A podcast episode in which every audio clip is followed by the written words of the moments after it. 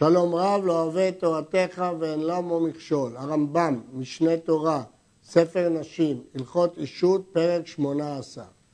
אלמנה ניזונת מנכסי יורשים כל זמן אלמנותה עד שתיטול כתובתה.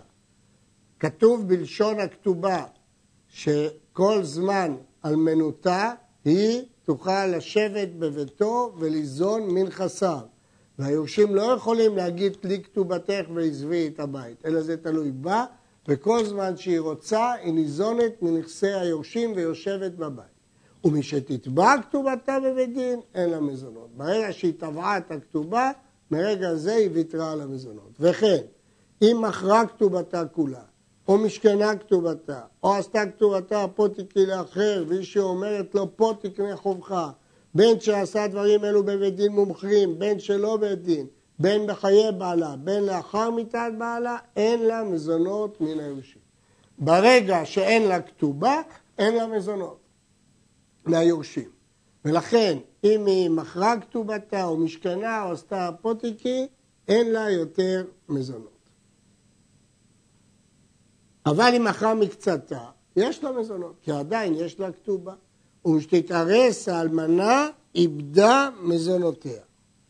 ברגע שהיא התארסה, הרי כבר היא לא קרויה עוד אלמנה, אלא אשת איש. ולכן, מה היה כתוב בכתובה? כל ימי מגר אלמנותך בביתי. אבל עכשיו היא כבר לא אלמנה, היא ארוסה, היא אשת איש. ולכן אין לה יותר מזונות.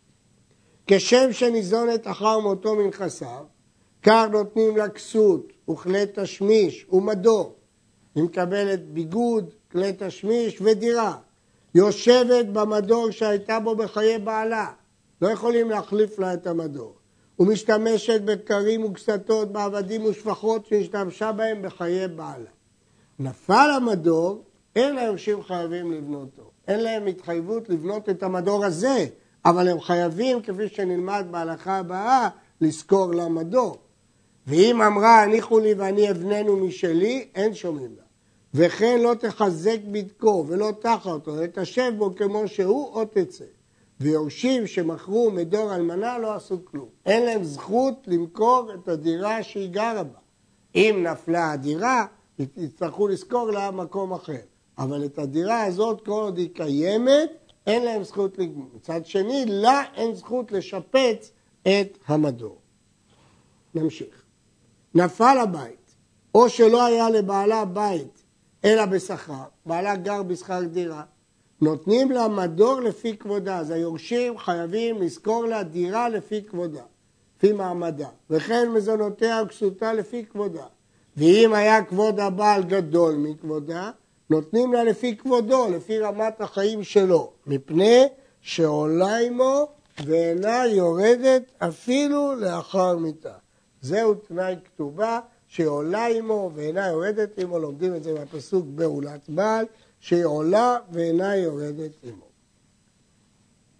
אמנם לא מפורש בגמרא שהדין עולה עמו נאמר לאחר מיתה, אלא במקרה אחד מפורש במקרה של קבורה. אבל מזה הרמב"ם למד שכל הדין של עולה עמו שייך גם לגבי דברים אחרים, גם לאחר מיתה. ברכת הבית מרובה כיצד? חמישה שהיה מזונות כל אחד מהם קו כשיאכל לבדו, אם היו חמישתם בבית אחד ואוכלים בעירוב, מספיק להם ארבעה קבים, והוא הדין נשאר צורכי הבית. כשמחשבים הוצאות של אדם יחיד, הם לא כמו אותן הוצאות כשכמה אנשים אוכלים יחד, יש חיסכון כשגרים יחד ואוכלים יחד. לכן, לפיכך, אלמנה שאמרה, איני זזה מבית אבי, אני לא רוצה לשבת איתכם בבית, אני רוצה לחזור לבית של אבי ותפסקו לי מזונות. פסקו לי מזונות ותנו לי, אני אוכל אותם שם, לא אצלכם. יכולים היורשים לומר לה, אם את אצלנו, יש לך מזונות. אם, אם לאו, אין לנו נותנים לך, אלא כפי ברכת הבית. הרי אם היית גרה בבית, כיוון שגם אנחנו אוכלים וגם את אוכלת, היית מקבלת פחות מזונות.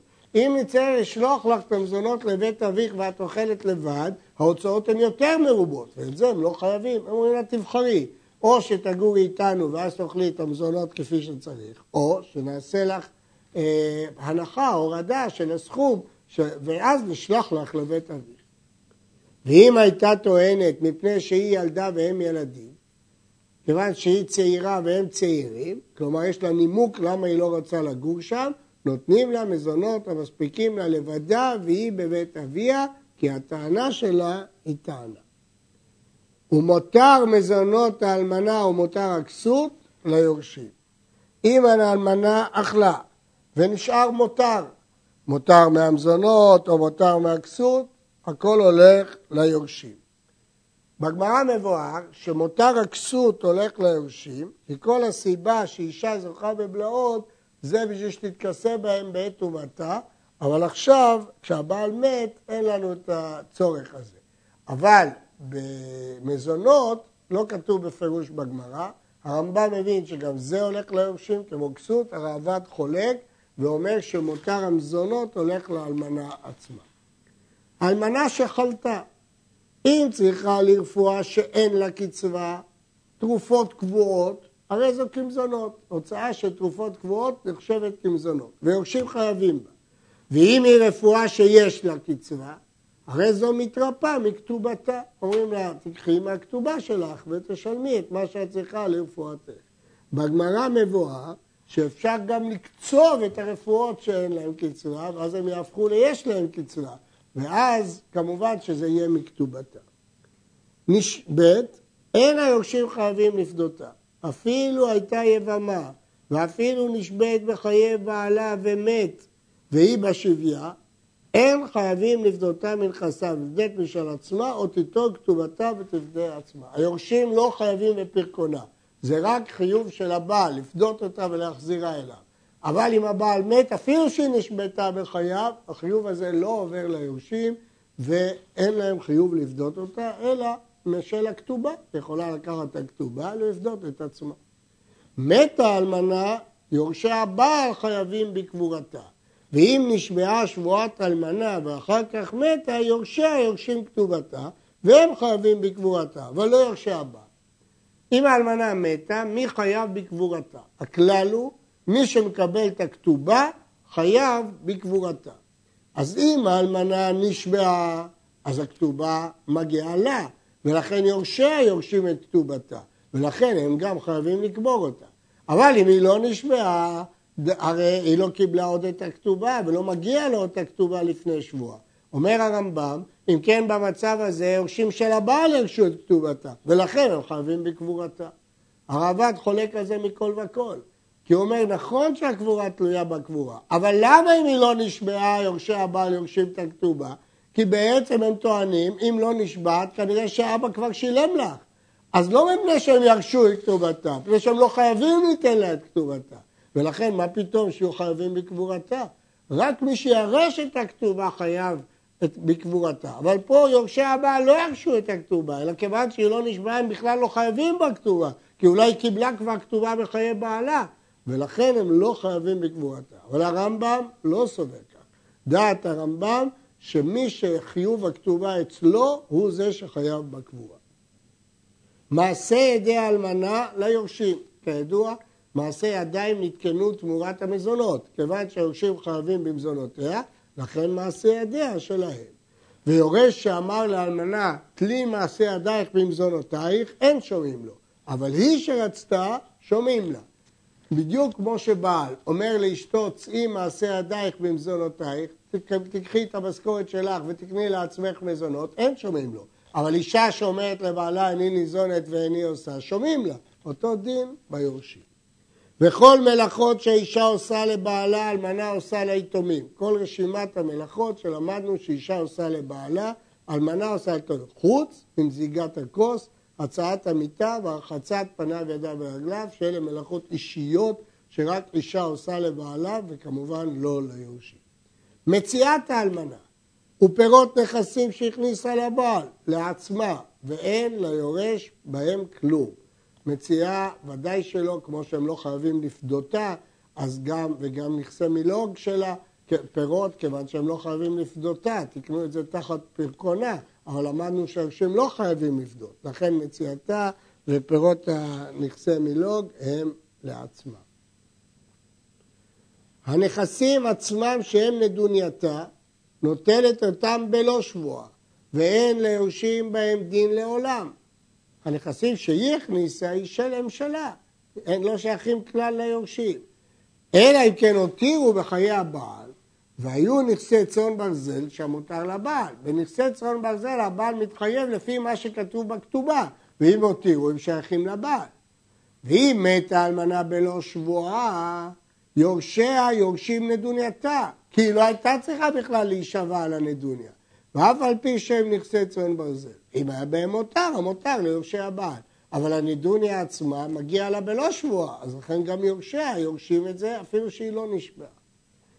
אלמנה שתפסה מיטלטלים כדי שתזון מהם, בין שתפסה בחיים, בין שתפסה אחר מותו, אפילו תפסה כיכר זהב, אין מוציאים מידה, אלא כותבים עליה בדין מה שתפסה, ופוסקים לה מזונות, ומחשבים עמה, והיא ניזונת ממה שבידה עד שתמות, או עד שלא יהיו לה מזונות, ויקחו היורשים את השאר.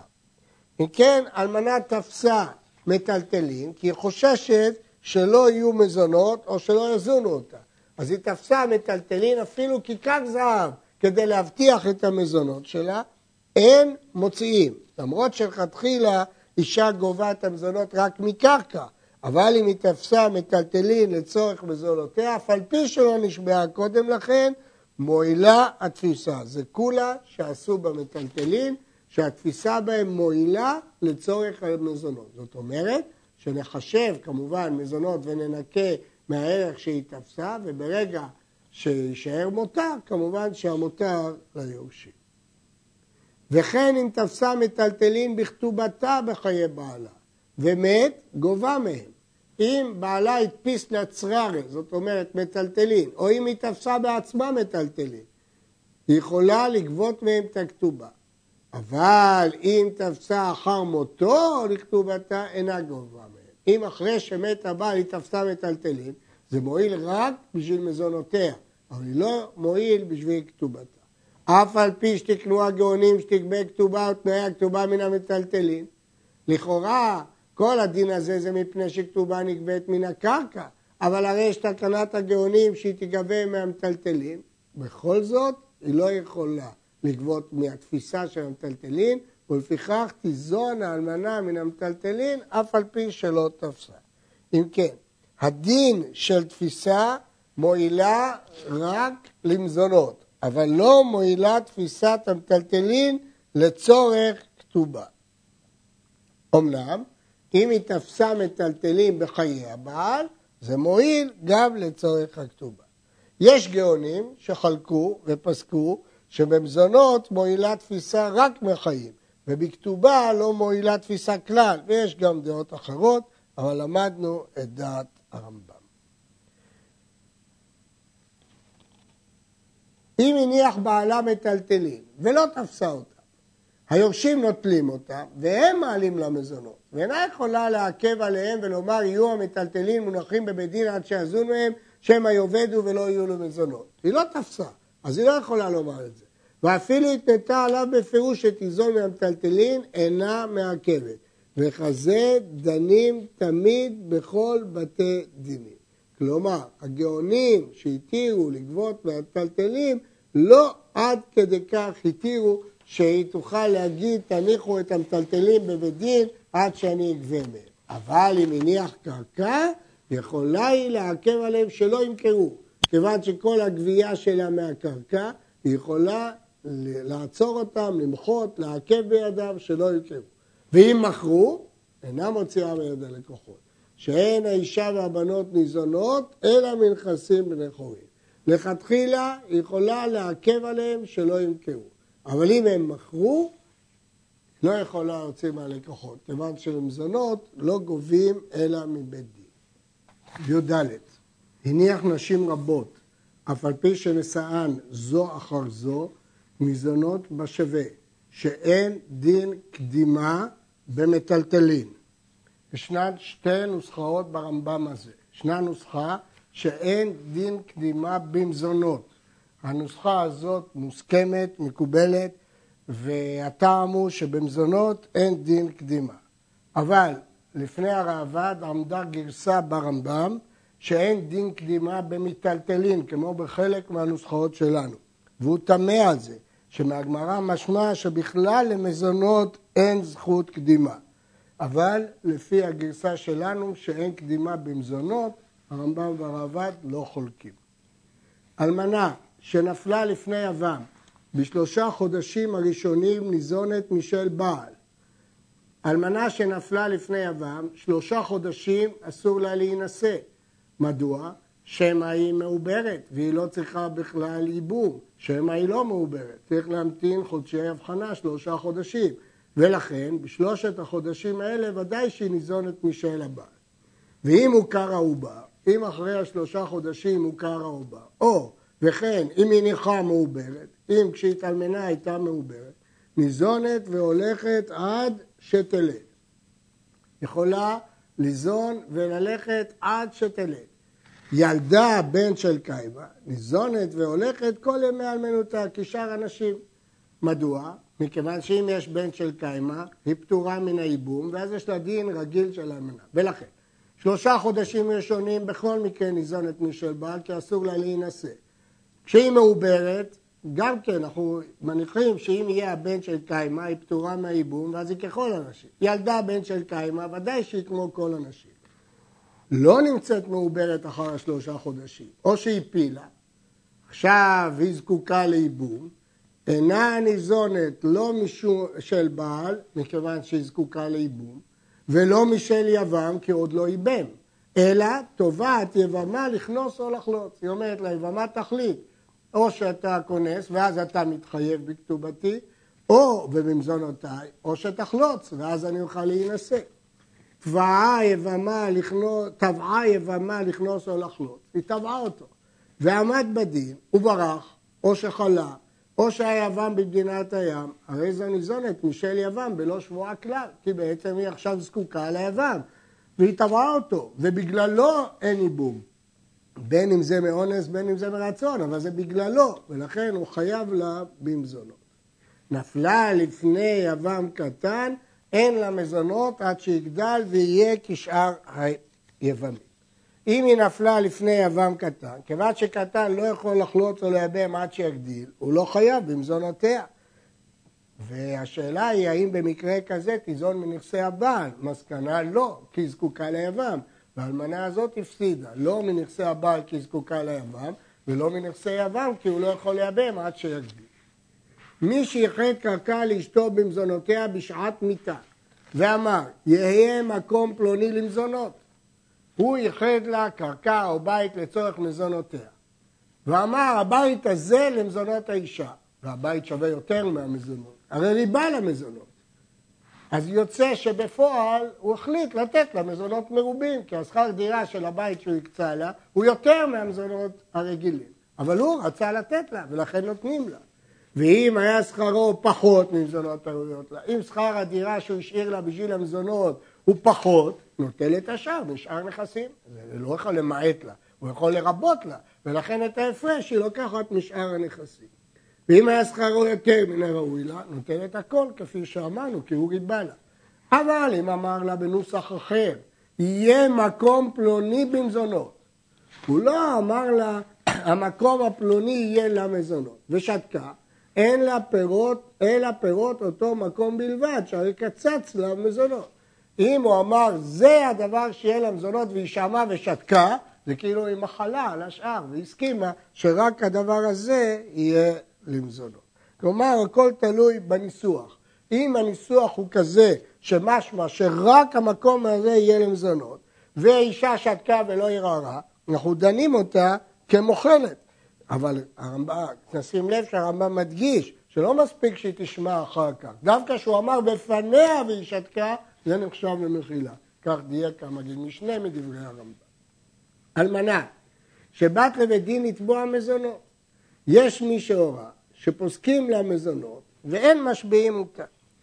ובכן, אה, יש מחלוקת, האם אלמנה שבאה לגבות את מזונותיה מהיתומים צריכה להישבע, כמו כל בעל חוב שבא לגבות מהיתומים, או שיש תקנה מיוחדת שאלמנה לא צריכה להישבע. דעת הרמב"ם נראית תכף. אז יש מי שהורה שאין משביעים אותה, ואין ראוי לסמוך על הוראה זו, מפני שנתחלף לו הדבר באישה שהלך בעלה למדינת הים, באישה שהלך בעלה למדינת הים, שם הדין הוא שהיא לא צריכה שבועה. אבל באלמנה, כל מי שנפרע מנכסי יתומים צריך שבועה. ורבותיי יורו שאין לה מזונות בבית דין עד שתישבע, שהרי זו באה להיפרע מנכסי יתומים. וכל הנפרע מנכסי יתומים לא ייפרע אלא בשבועה, ואין פה שום תקנה של אלמנה. ולזה דעתי נוטה, ובו ראוי לדון. הרעב"ד חולק וסובר שיש תקנה גם לאלמנה שבאה לגבות מזונותיה, שהיא גובה בלא שבועה. אבל דעת הרמב"ם, כדעת רבותיו, וכפי שהוא אומר שראוי לדון, שאלמנה צריכה להישבע כמו כל מי שבא לגבות מנכסי יתומים, כי היתומים לא יודעים מה נכסי אביהם, מה אביהם נתן, מה אביהם הבטיח וכדומה. אלמנה שבת לבית דין לתבוע מזונות, משביעים אותה בתחילה כפי שפירשנו בהלכה הקודמת, ומוכרים בלא הכרזה. במקרה הזה זה מזונות. לצורך מזונות אין צורך במכרז. למרות שבדרך כלל בכל מכירת בית דין צריך מכרז, פה לא צריך. ונותנים לה מזונות. וכן יש לה למכור למזונות שלא בבית דין מומחים, אלא בשלושה אנשים נאמנים בלא הכרזה. גם את זה כבר למדנו, שאם יש שלושה אנשים בקיאים בשומה, אף על פי שהם לא מומחים בדינים, אפשר למכור בלי הכרזה. וכן אם אכל למזונות בינה לבין עצמה שווה בשווה, מכרע קיים. וכשיבואו היורשים להשביע אותה, נשבעת. זה נקרא בלשון המשנה, שנשבעת בסוף ולא נשבעת בתחילה. אם כן, יש פה כמה קולות שכבר הזכרנו אותן. קולה אחת שבית דין לא צריך להכריז כי זה לצורך מזונות. קולה שנייה שיכולה למכור בשלושה אנשים נאמנים ואפילו בינה לבין עצמה אם היא מכרה שווה בשווה. הלכה כ"א, כמה מוכרים למזונות? כדי לזון מהם שישה חודשים, לא יותר על זה. לא לוקחים מקדמה יותר משישה חודשים, אלא שטח אדמה שמספיק לזון אותה שישה חודשים. ומוכרים על מנת שיהיה הלוקח, נותן לה מזון שלושים יום, מזון שלושים יום. הוא לא חייב לתת הכל מראש, אלא כל חודש לפרנס אותה על החודש הבא. וחוזרת ומוכרת פעם שנייה לשישה חודשים. אם עברו שישה חודשים והיא עדיין בבית, מוכרת עוד קרקע כדי ליזון עוד שישה חודשים. וכן מוכרת והולכת לעולם עד שיישאר מן הנכסים כדי כתובתה. אם היא האריכה ימים ולא יצאה מבית בעלה, היא אוכלת ואוכלת ואוכלת, נגמרו כל הנכסים, נשאר רק כדי כתובה, גובה כתובתה מן השאר והולכת לה. שהרי אין כבר נכסים יותר, ולכן היא גובה כתובתה והולכת לה. כמובן שזאת עצה טובה, אבל אם היא תרצה להמשיך לאכול מזונות ולחסל את הכתובה, גם כן רשאית. יכולה להמשיך לאכול מזונות עד שתחסל את הכתובה, אבל אז לא יהיה לה כתובה. אלמנה שפסקו לה בדין מזונות, אין מחשבים עמה על מעשה ידיה עד שיבוא היורשים ויתבעוה. למרות שאמרנו שמעשה ידיה ליורשים תמורת המזונות, אבל לא עושים חשבון וממעטים מהמזונות. קודם כל נותנים למזונות, אחר כך היורשים יתבעו אותה על מעשה ידיה, לא מקזזים את זה. אם מצאו לה מעשה ידיה, נוטלים אותה, ואם לאו, הולכים לדרכה. ואני אומר, חידוש של הרמב"ם בלי מקום, שאם היו היורשים קטנים, בדין מחשבים עמה, ופוסקים לה מעשה ידיה כדרך שפוסקים לה מזונות.